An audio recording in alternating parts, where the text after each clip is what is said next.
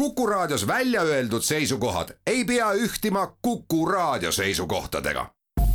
Te kuulate Kuku Raadiot.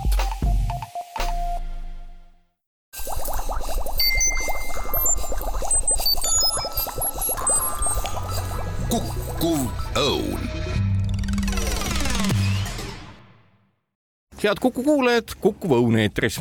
eelmisel nädalal anti Euroopa Patendiameti poolt välja Euroopa leiutaja aasta preemia, õigemini preemia Euroopa aasta leiutajale. Neid oli sedapuhku kolm, kõik nad Eestist, Mati Arulepp, Jaan Leis ja Anti Perkson eelmisel nädalal, kui ma Antiga rääkisin, ütles ta, et ta kahjuks ei saa sel nädalal raadiosaates osaleda, aga kõigile kolmele meie poolt ka õnnitlused ja Mati ja Jaan on meil ka stuudios, tere Mati. ja tere. ja tere Jaan. Ja tere.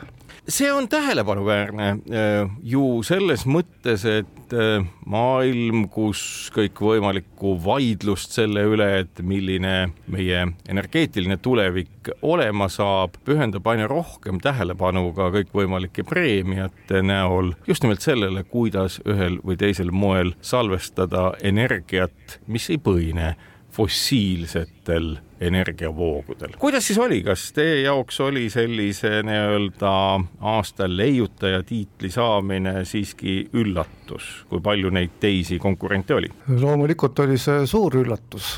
see preemia väidetavalt on juba aastast kaks tuhat kuus antakse välja ja siiamaani minu parimal teadmisel on korra nominatsioon Eestisse tulnud aastal kaks tuhat üksteist Tallinna Tehnikaülikooli, kus, äh, kus oli tegemist äh, uudse impedantsi mõõtmise tehnoloogiaga see on siis äh, rahvakeeli vahelduvvoolu takistuse mõõtmise tehnika, nagu ma aru saan. jah, ja, ja, ja kui see teade siia tuli, siis noh, loomulikult oli üllatus oli suur ja esialgu lausa uskumatu, et äh, miks siis nüüd ja miks siis meie. nominatsioon me..., nominatsioon isegi, ma saan aru, on üsna tavatu, et see Eesti poole jõuab, rääkimata siis sellest, et ka preemia meile antakse. no just, kuna see kuueteist aasta jooksul oli teine nominatsioon üldse ja eelmine oli siis äh, põhimõtteliselt tuleb täpsustada, et seal antakse välja erinevates kategooriates need preemiad, et on äh, teadusasutuste innovatsioon, siis on äh, väike- ja keskmiste ettevõtete raames, siis on tööstus raames ja, ja meie olime siis just nimelt tööstus kategoorias nomineeritud ja, ja premeeritud. noore leiutaja tiitel ka, eks ole, kolm, kolm. mis anti see aasta esimest korda välja, jah ja.. kes selle sai, kui nii huvi võiks tunda? seal oli kolm, kolm gruppi inimesi, ühed leiutasid, kui ma õieti mäletan, oli Saksamaa ja Prantsuse noored leiutajad, ehitasid mobiiltelefoni kaamera abil prügist plastmassi ja, ja metalli väljasorteerimise liini ja, ja roboti. teine preemia läks äh, brasiillannale, noor tüdrukule, kes äh, valmistas äh, hästi looduslikest materjalidest naistele hügieenisidemeid kohalikust bambusest ja, ja siis puuvillast ja, ja kolmas Jaansa ehk dominante oli palju seal tulemus oli see äh, põhimõtteliselt, et välja anti kaks esimest preemiat ja üks teine preemia ja need olid siis ainukesed preemiad, mis olid nii-öelda rahalised preemiad noorte leiutajate nagu. Teie preemia rahaline ei olnud? ei, ükski Aa. teine ei olnud jah. aga sellele vaatamata, äh, rahaline või mitte, võtame ette siis selle nii-öelda süsinikmaterjalide valdkonna noh, süsinik iseenesest on ju tööstusliku materjalina teada väga ammustest aegadest. Ehm, ma ei oska öelda, kasvõi harilikud pliiatsidki sellest tehtud, aga ma saan aru, et mitte sellest ei ole jutt. mille poolest teie kasutusse võetud süsinikmaterjal on siis sedavõrd uudne ja teistlaadne, et see sedavõrd suurt tähelepanu pälvis? no me räägime eeskätt poorsest süsinikust, ei grafiidist, ei teemantist loomulikult ja poorne süsinik on, on kõige enam läheb ju igale poole nii-öelda aktiveeritud süsinikuna filtermaterjalidesse ja, ja ja puhastusseadmetesse ja kuhu iganes. et äh, me oleme nagu selle poolse süsi, süsiniku äh, vallas, aga erilisus on nüüd see, meil on kasutusele võetud äh, mineraalset päritolu lähteaine selle süsiniku valmistamiseks, mis võimaldab väga täpselt reguleerida ja kontrollida siis äh, selle saadava süsinikmaterjalide booride suurust, booride suuruste jagunemist. Kui ma oma ammusi mälestusi keemiatehnoloogiast meelde tuletan, siis tavapärane süsinikmaterjal, mis on boorne, nii-öelda aktiivsüsi, see vist valmistataksegi erinevast toormest, noh näiteks kas või puusööst, seda intensiivselt äh, veeauruga töödeldes ja siis seejärel kuivatades.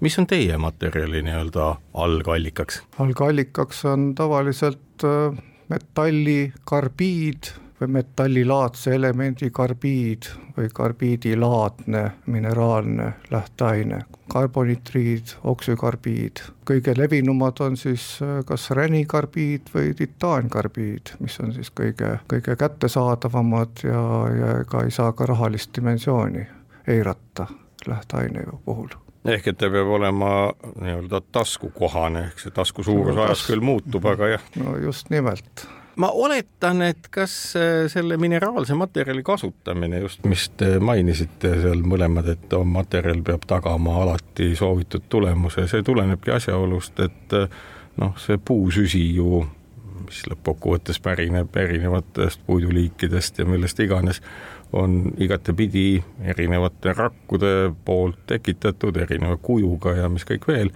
aga nii-öelda mineraalsed materjalid on alati nii-öelda enam-vähem täpse kristallse struktuuriga, kas see ongi siis see trikk nii-öelda ja mm, edu alus, et võttes alati ühe ja samasuguse algmaterjali, saame me ka poorse süsiniku sellest enam-vähem täpselt samasuguse.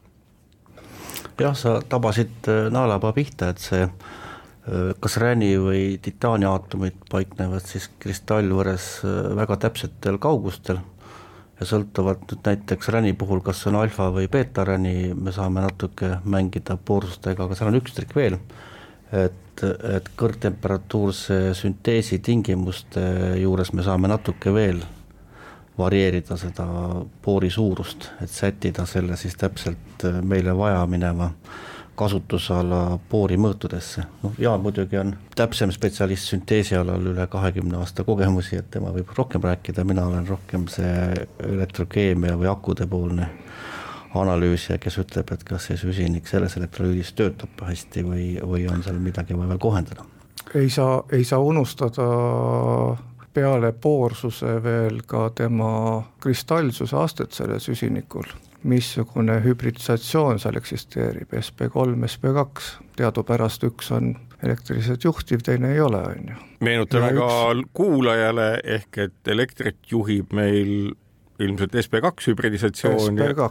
ehk et see süsinik peab olema nii-öelda lame piltlikult öeldes ja ruumiline samaaegselt siis ju. just, nii-öelda heksagonaalne süsinik ja nüüd see suur vahe äh, nende levinud aktiveeritud süsinikmaterjalidega, mis on tõepoolest äh, valmistatud reeglina bioloogilistest äh, lähteainetest, kõige levinumad näiteks pähklikoortest, igasugustest köögiviljajäätmetest, puidutöötluse jääkidest ja suhkrust ja neid tuleb kogu aeg juurde, neid erinevaid lähteaineid. seal on kõigepealt on see, et on äh, lähteaine on juba amorfse struktuuriga, mis tähendab seda, et äh, see moodustuv süsinik ei saa olla seal väga regulaarne, korrapärane. Ja teiseks äh, orgaanilistest lähteainetest on alati peale süsiniku ka teist, teisi juhtivust nii-öelda vähendavaid elemente, hapnikku peamiselt ja igasuguseid muid mineraale mis äh, selle süsiniku nii-öelda puhtust rikuvad. kui me tuleme nüüd sellesama nii-öelda sünteesi juurde, kõrgtemperatuurse sünteesi juurde, siis noh, jällegi, et mitte erilisi nii-öelda salajasi kokakunsti tarkusi jagada siin, kuna patendid patentideks, aga ikka alati jääb ju mingisugune teadmine selle kohta, kuidas päriselt asi valmis saab, ütleb minu kogemus ja ilmselt see nii ka on et äh, mida see kõrge temperatuur siis tähendab, et ega see vist koduköögis saavutatav ei ole?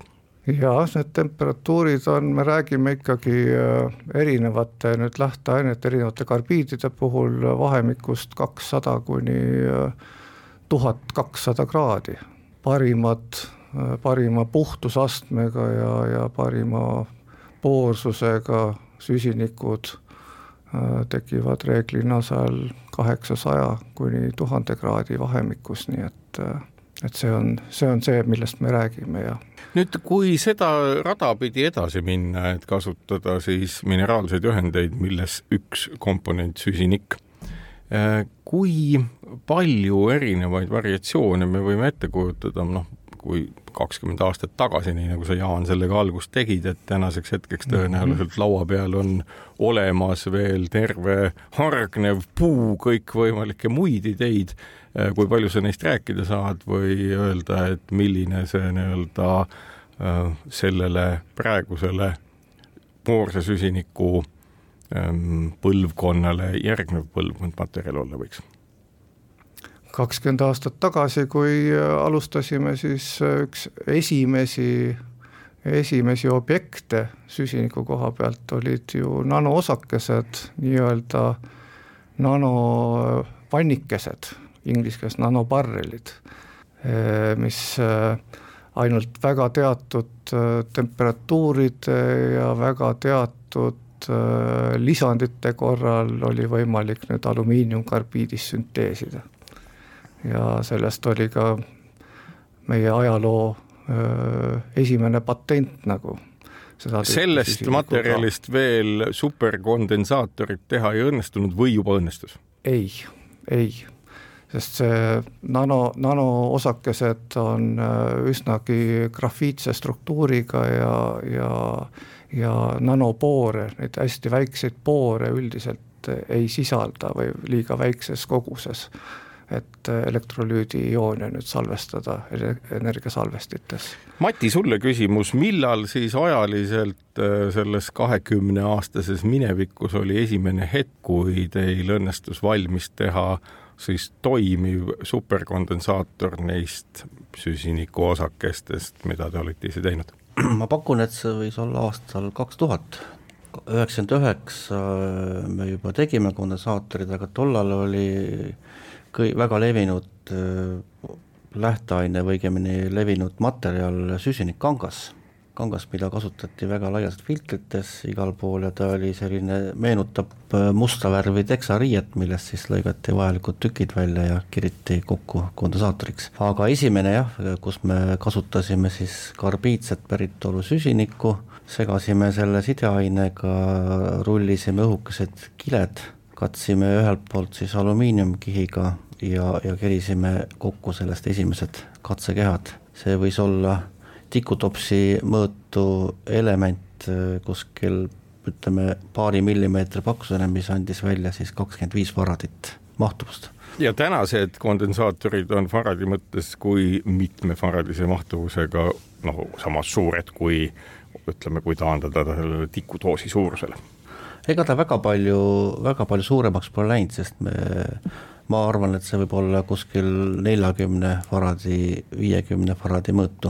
Ai, vaba, jah, viiekümne, isegi rohkem, vabandust, me tegime kosmosekondensaatorid, mis olid kui ütleme, kolmveerand tikutopsi jämedalt ja need küündisid kuni saja kahekümne faradini. jah, sada kolmkümmend faradit oli maksimaalne, mis pakkusime kosmoseagentuurile, et kuidas nendega läks, võtsid nad pakkumise vastu? sellega läks hästi, sest äh, me saime üldkokkuvõttes kas kolm-neli jätkuprojekti vist, kuni, kuni moodulite arendamiseni välja, et kui nüüd meenutada veel sedasama nii-öelda tööd, mida te toona vist tegite ülikooli uurimistööna või oli siis juba olemas ettevõte, mis pidas silmas sellist kondensaatorite tootmist, nagu seda on Skeleton? see on väga unikaalne, tegelikult täitsa eraldi teema, et kuidas, kuidas selline energiasalvestite ja kondensaatori arendus üldse Eestisse niimoodi on tekkinud ja jõudnud. selle võiks lühidalt siinkohal ära rääkida, kuna see tundub olevat väga põnev. põhimõtteliselt sai kõik alguse ju eraettevõttest, eraarendusettevõttest äh, ja mis tähendab seda, et äh, puudus, äh, puudus teadmine, kompetents konkreetselt nüüd energiasalvesti, poorse süsinikul baseeruva energiasalvesti vallas. tegelikult hakkasid kõik seda korraga nagu õppima siin. kas ja, nii Eestis kui maailmas? nii siin kui seal et äh, kondensaatorid, äh, ülikondensaatorid olid äh, loomulikult varem juba teada, aga pulber elektroodidel baseeruvad kondensaatorid olid üsna sel ajal hakkasid arenema ja me olime üsnagi pioneerid selles vallas aastal üheksakümmend üheksa, kaks tuhat. mis on pulberkondensaatoril versus siis ma saan aru, mingisuguse nii-öelda pidevmaterjalil kondensaatori äh, eelised ja puudused, kui neid kahte tehnoloogiat võrrelda? kõige suurem vahe on, on selle elektroodimaterjali tihedus. kangas, kangaskondensaatorid äh, olid suhteliselt või noh, väga hõredad elektroodid ja seetõttu see energiatihedus kondensaatorites oli väga madal. pulberelektroodid võimaldavad äh, kordades kõrgemat Äh, energiatihedust saavutada. ruumala kohta, jah? ruumala kohta, no tihedust, jah mm. -hmm. Mati, kui väike on see pulbriterake, mida siis kokku seotakse selliseks pidevaks massiks elektroodide vahel no,? jah, sõltub nüüd elektroodi paksusest, aga ta jääb sinna suurusjärku üks kuni viis mikromeetrit see on selline optimaalne, optimaalne tera suurus, me saame suurematega minna ka, aga siis tekivad jällegi difusioonilise takistuse probleemid, et selle saadud elemendi takistus läheb liiga suureks ja ta hakkab vähem võimsust välja andma. ja see terake ise sisaldabki juba ka tohutul hulgal poore? jah, see terake ongi, kui ta nüüd mikroskoobi alla panna elektromikroskoobi alla, siis võiks seal näha olla seda nii-öelda boorilaadset struktuuri, et, et see koosneb siis äh, karbiidse süsiniku puhul sellisest, äh, nii nagu inglise keeles on ta curved graphiin või cornflake'i moodi meenutavatest süsiniku fragmentidest kumergrafeenist me räägime eesti keeles. kumergrafeen, kui nüüd küsida veel juurde, et ütleme läbimõõdus mikromeeter terake, siis poore on seal kui palju, mis nende pooride, ma ei oskagi öelda siis kogu pindala kui midagi või ruumala ühtekokku on? me räägime tuhande viiesajast kuni kahe tuhandest ruutmeetrist grammi kohta kui saaks kõik nendes spoorides olev pind nagu tasapinnale lükata, mis on siis pool jalgpalliväljakut kuskil. pool jalgpalliväljakut ühes grammis? üks, üks gramm on siis teelusikas umbes või? jah, kolm kuup. et kui see, kui selle, see eripind laiali lükata, siis on pool jalgpalliväljakut kaetud. ja kas sealt on võimalik veel edasi minna või see, mida Mati ütles, et sealt edasi minnes hakkavad tekkima juba muud takistused, nagu näiteks elektriline takistus kipub kasvama ja kõik muud hädad juures. just, just, et äh, siis hakkavad boorid juba kollapseeruma, kui, kui, kui seal nüüd veel rohkem aktiveerida neid üles. Ja, ja seetõttu süsinik, rikume SB2 süsiniku struktuuri ära ja elektrijuhtivus loomulikult langeb sellega. kui tulla tagasi selle äh, alguses arutletud äh, aktiivsöö juurde, mida tavaliselt bioloogilistest materjalidest tehakse, siis mind huvitab see, kas on olemas ka mingeid bioloogilisi mm, struktuure, milliseid vaid süsinikku ju on elus looduses väga palju erinevates vormides, kus ka nii-öelda temperatuuri rakendades sel moel ja võib-olla mingit taandavat keskkonda õnnestuks saada ka sellise nii-öelda amorfse süsiniku asemel ikkagi üsna sellist kristallset ja plaanipäraselt koos olevat süsinikmaterjali või see on täiesti lootusetu? no tänapäeval on äh, üha rohkem tegeldakse äh, nii-öelda biomorfsete süsinikmaterjalidega mis äh, põhimõtteliselt ongi siis lähteainena kasutatakse küll erinevaid äh, lehtpuu liike, küll äh, puude lehti, küll pilliroogu, mida iganes. isegi jah, puujuuri kasutavad sellega, mis see peamine idee seal taga on, et kui on selline rakuline struktuur, kiuline struktuur, siis saavutatakse väga hea Äh, nii-öelda transportpoorsus sellistes süsinikmaterjalides. noh, kuna rakud ise on juba sellised ruumilised Just. ja moorsed. aga Just. kas ka nii-öelda õige keemilise tinistamisega siis äh, sobilik elektrijuhtivus? jah, tõenäoliselt, see sõltub väga suuresti temperatuurist, kuidas, millise, millise nüüd äh, struktuuriga süsinik lõpuks saavutatakse. samamoodi me räägime ikkagi seal tuhande kraadi kanti minevatest äh, karboniseerimise temperatuuridest. jah, sellel looduslikul süsinikul, nii palju kui me oleme kirjanduses lugenud ja, ja näinud, et selle juhtivus jääb sinna kuskile viiekümne millisiemensi kanti ja, ja karbiidsest päritolust süsinikul on mõõdetud kuni siis sada viiskümmend millisiemensit, et see juhtivuse vahe on circa kahe poole kuni kolmekordne Need, kes teavad, mis asi on oom, peavad endale selgeks tegema, et Siemens on lihtsalt oomi pöördväärtus, nii vist jah. et mida, mida rohkem Siemenseid, seda vähem oome. just kui me edasi läheme, kas nii-öelda needsamad materjalid, noh, me teame, et ka kõikvõimalikud ju akutehnoloogiad põhinevad ka ikkagi süsinikmaterjalidest elektroodide kasutamisel, kas ka akutehnika jaoks on sellel äh, nii-öelda teie loodud materjalil ja kogu sellel tehnoloogial mingi võtmetähendus? No on ikka, siin on, maailmas ju leiutatakse kogu aeg ja üks suund, et saada akudest suuremat võimsust äh, välja, äh, paaritatakse siis akumaterjale näiteks kondensaatorimaterjalidega ja tehakse siis äh, positiivne elektrood pliiakust ja negatiivne elektrood võetakse kondensaatorist ja, ja uputatakse sobivasse elektrolüüti ehk väävelappesse saadakse üks hübriid, hübriidsüsteem, millel on siis äh, akust oluliselt suurem võimsus, äh, parem eluiga ja, ja natuke väiksem mahtuvus kui sama mõõtu akul. ja, ja teine, mida kindlasti tehakse, on tehtud, on äh, süsinik, erinevad hästi juhtivad süsinik niidid või, või, või filamendid, mida kasutatakse puhtalt akude, elektroodide juhtivuse parandamiseks.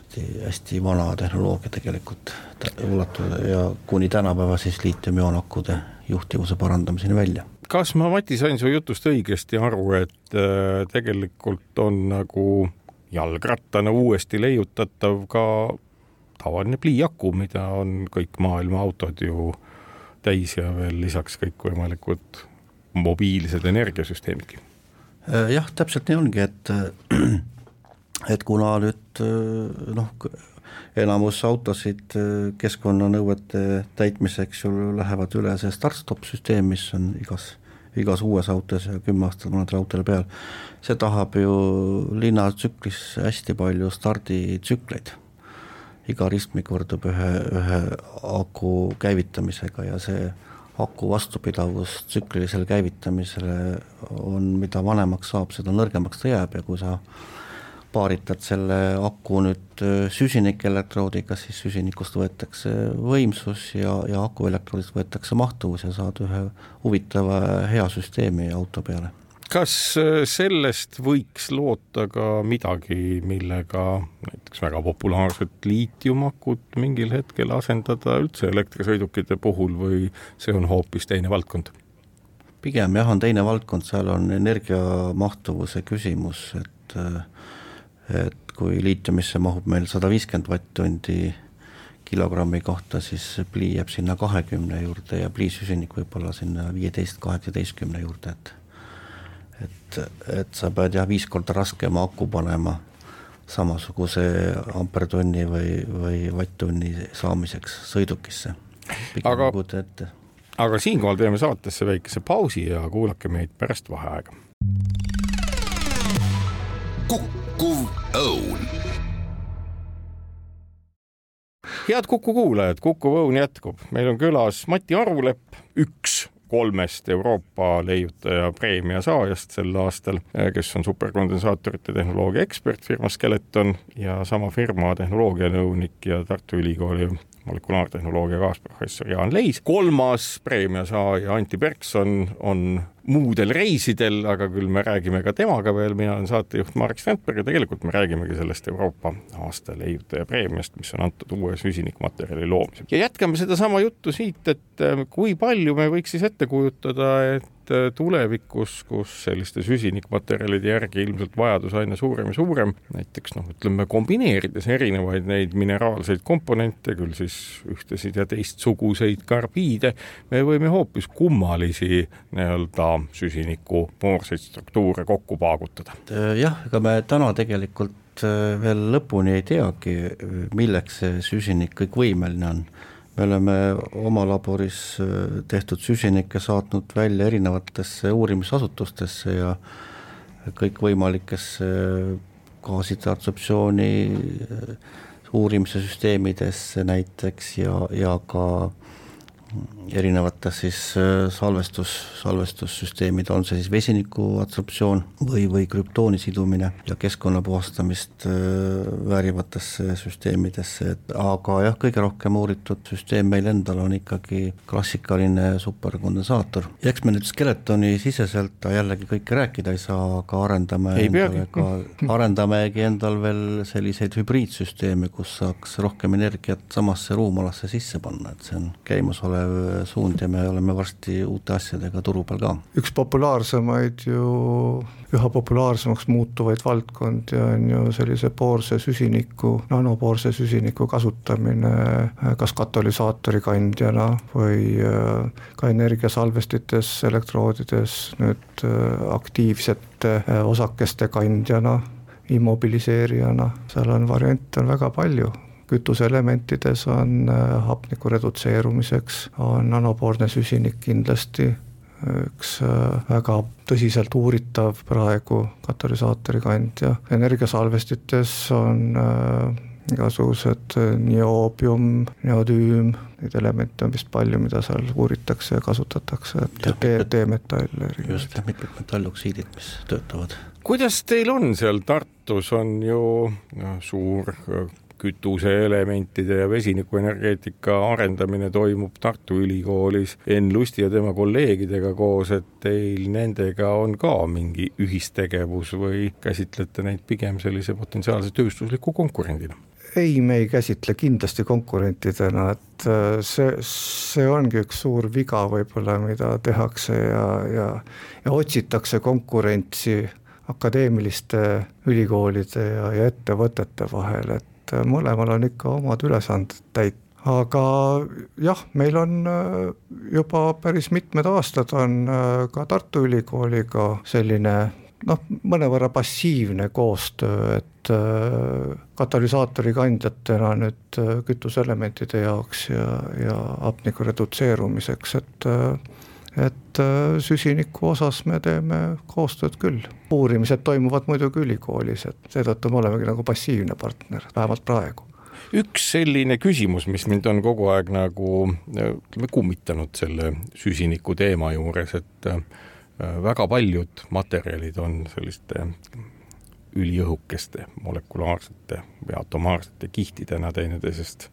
eraldatavad, nii toodetakse ju ka grafeeni ja muid asju. et kui palju teil tekib sellist nii-öelda materjali, mille puhul võiks ka ühe aatomi või molekuli paksuseid kihte, nagu grafeeni puhul tehakse, eraldada ja anda siis sellega näiteks sellele ühe kihi paksusele ainele sootuks uusi omadusi, kui algaine on tehtud no näiteks erineva kristalltüübiga karbiididest, metalli omadest, et kas te mingit sellist suunda olete ka silmas pidanud ja vaadanud?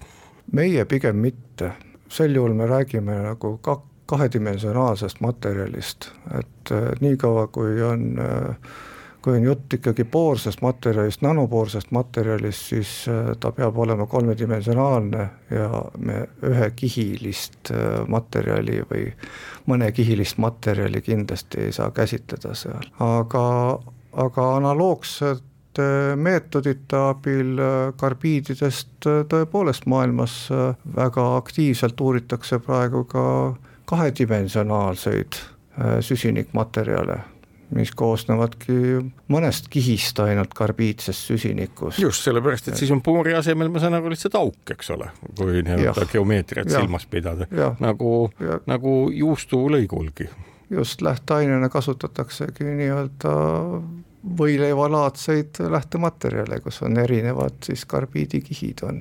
ma saan aru, et on... nende nii-öelda kõikvõimalike tehismaterjalide ja nende nii-öelda kristallsete ja suuremate kui kristallsete struktuuride manipuleerimine on üks lubavamaid uute energeetiliste materjalide ja tehismaterjalide tegemise valdkondi täna maailmas üldse. kui suur seal avaldatavate artiklite hulk või ka registreeritavate patentide hulk, mida teilt on paslikum küsida, tänases maailmas on? mina ei julge neid kokku lugeda, ausalt öelda, sest äh, patenteerimine on väga intensiivseks muutunud nii energiasalvestite valdkonnas kui ka laiemalt nüüd äh, nanosüsinike valdkonnas. aga miks on mitte tänuväärne neid kokku lugeda, on see, et, äh, et patendiks muutuvad nendest taotlustest noh, tühine protsent ainult. et mis hetkest võib nüüd midagi leiutiseks lugeda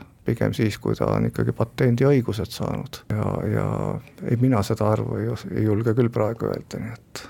siinkohal teeme aga saatesse väikese pausi ja kuulake meid pärast vaheaega.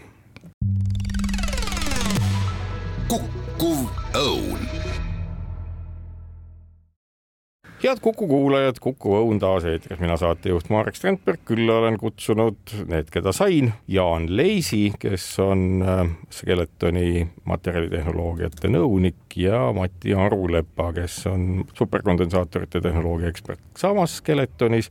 Äh, nemad ühel põhjusel, nimelt Euroopa leiutajaks on nad kuulutatud kahe tuhande kahekümne teisel aastal koos Anti Pärksoniga, kes kahjuks meiega täna ei ole. Euroopa Patendiamet selle, selle auhinna välja annab ja patentide juurde tuleksingi.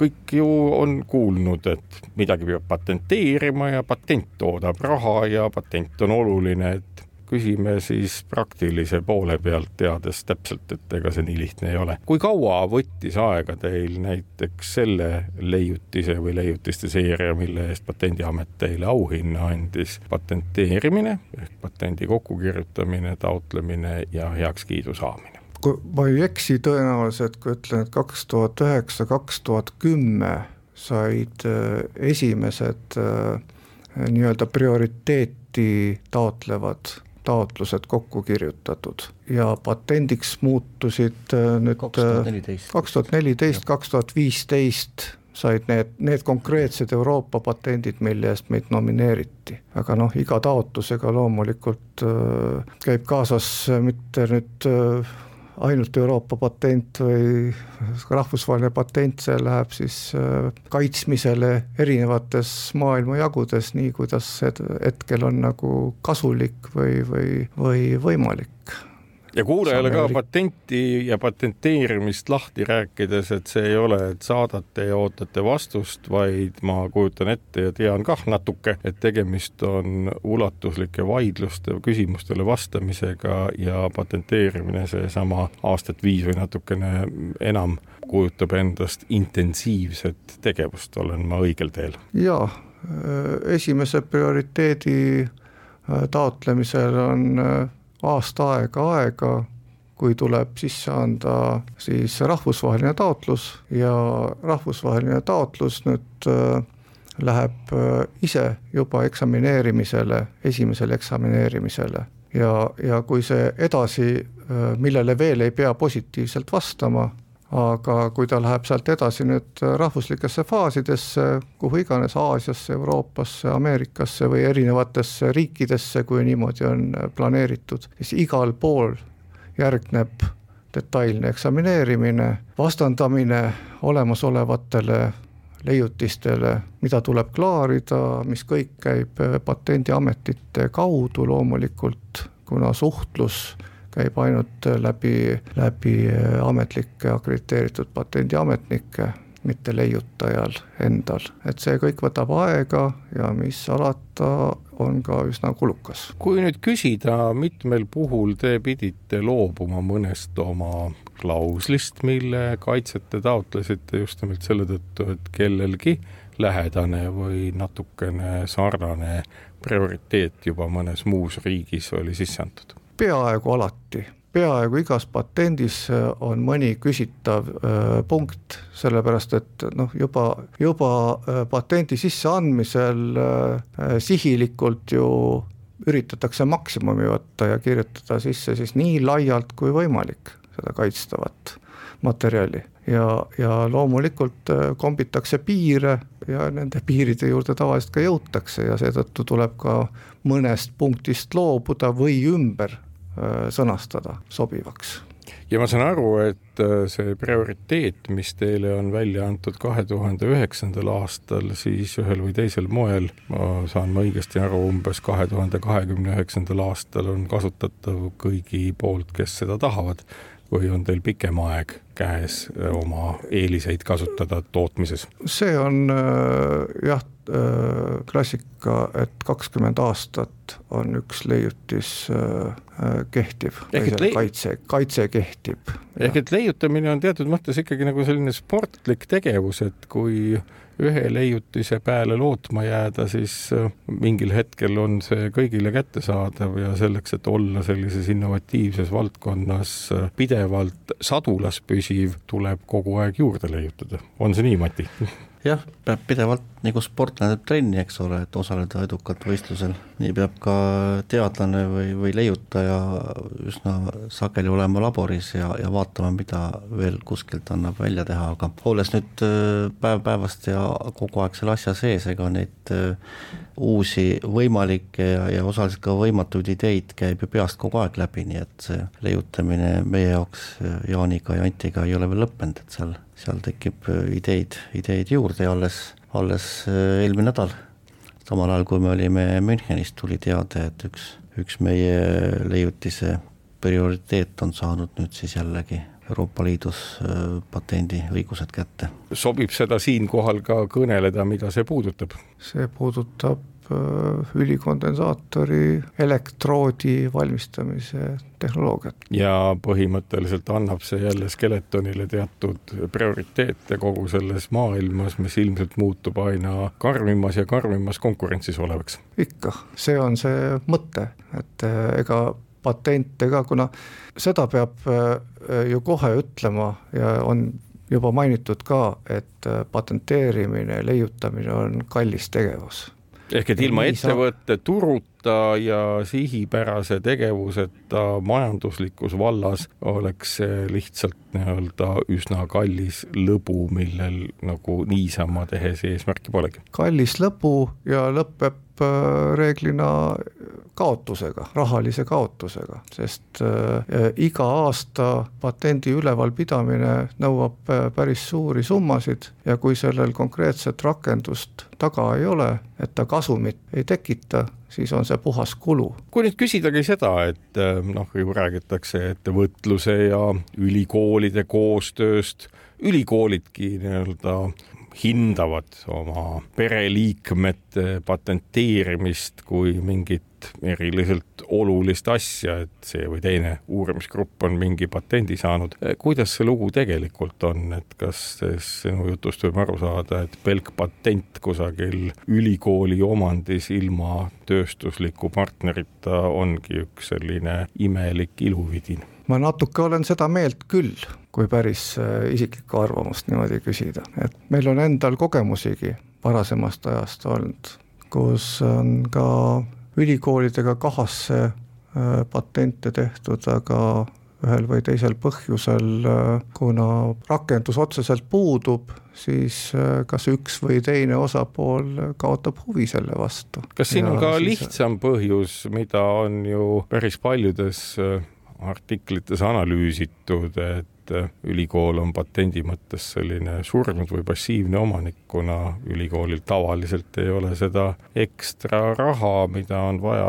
kas siis patendi ülevalpidamiseks ja isegi kui see olemas on, siis patendi realiseerimine eeldab ju ikkagi päris korralikke investeeringuid tööstusse. jah, loomulikult, noh, põhimõtteliselt on ju niimoodi, et ega innovatsioon või leiutamine ei tule tühja koha pealt, et sellele alati ju eelneb mingisugune teadustöö, mingisugune teaduslik uurimus. Ja see teaduslik uurimus võib kasvada välja innovatsiooniks, aga tihtipeale või reeglina ta seda ei tee ja ta ei peagi seda tegema, sest äh, teaduslikud uuringud äh, on äh, enamasti alusuuringud ja, ja mis on, mis on vajalikud selle üldise teadmiste baasi nagu hoidmiseks ja tekitamiseks. kõike teadust ei saa kohe rahaks ümber konverteerida, mis, mida leiutis sisuliselt ju on.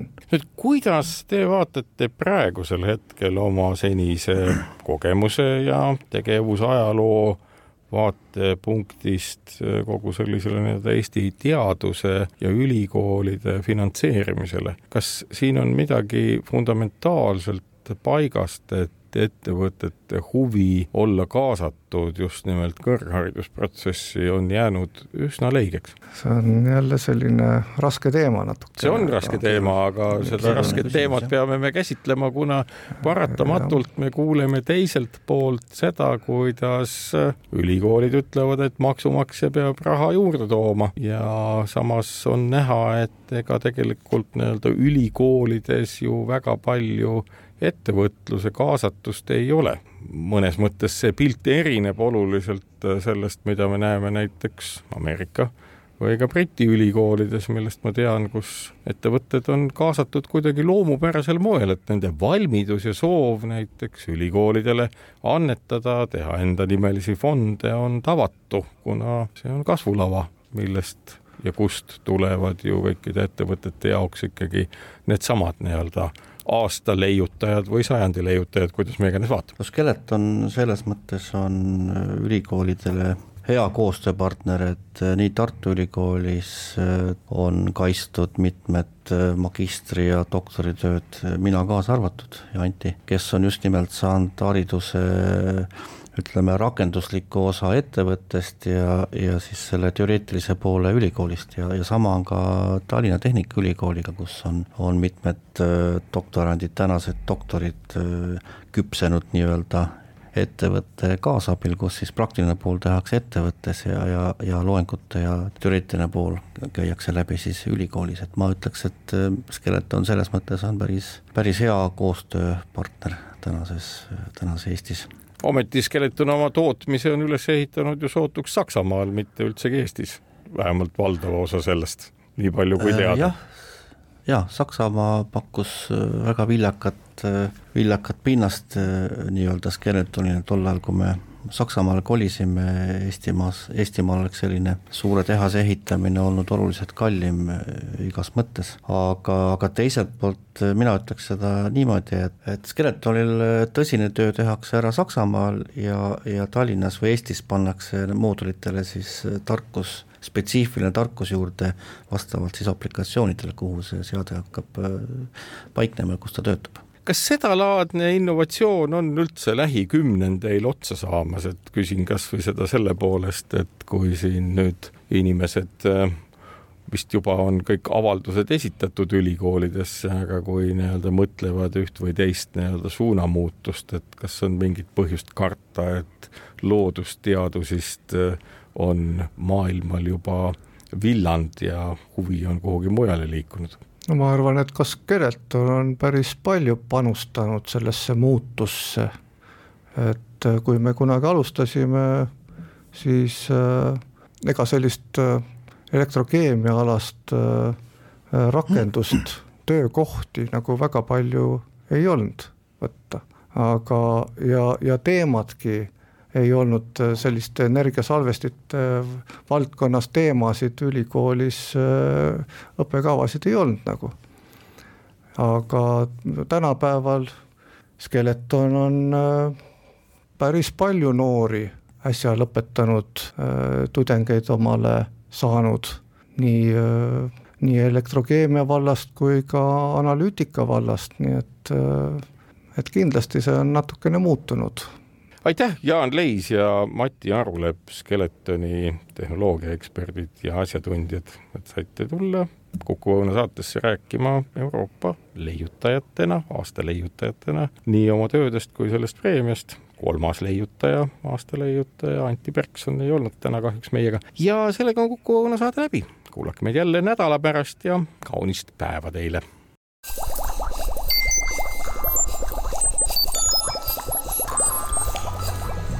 kukkuv õun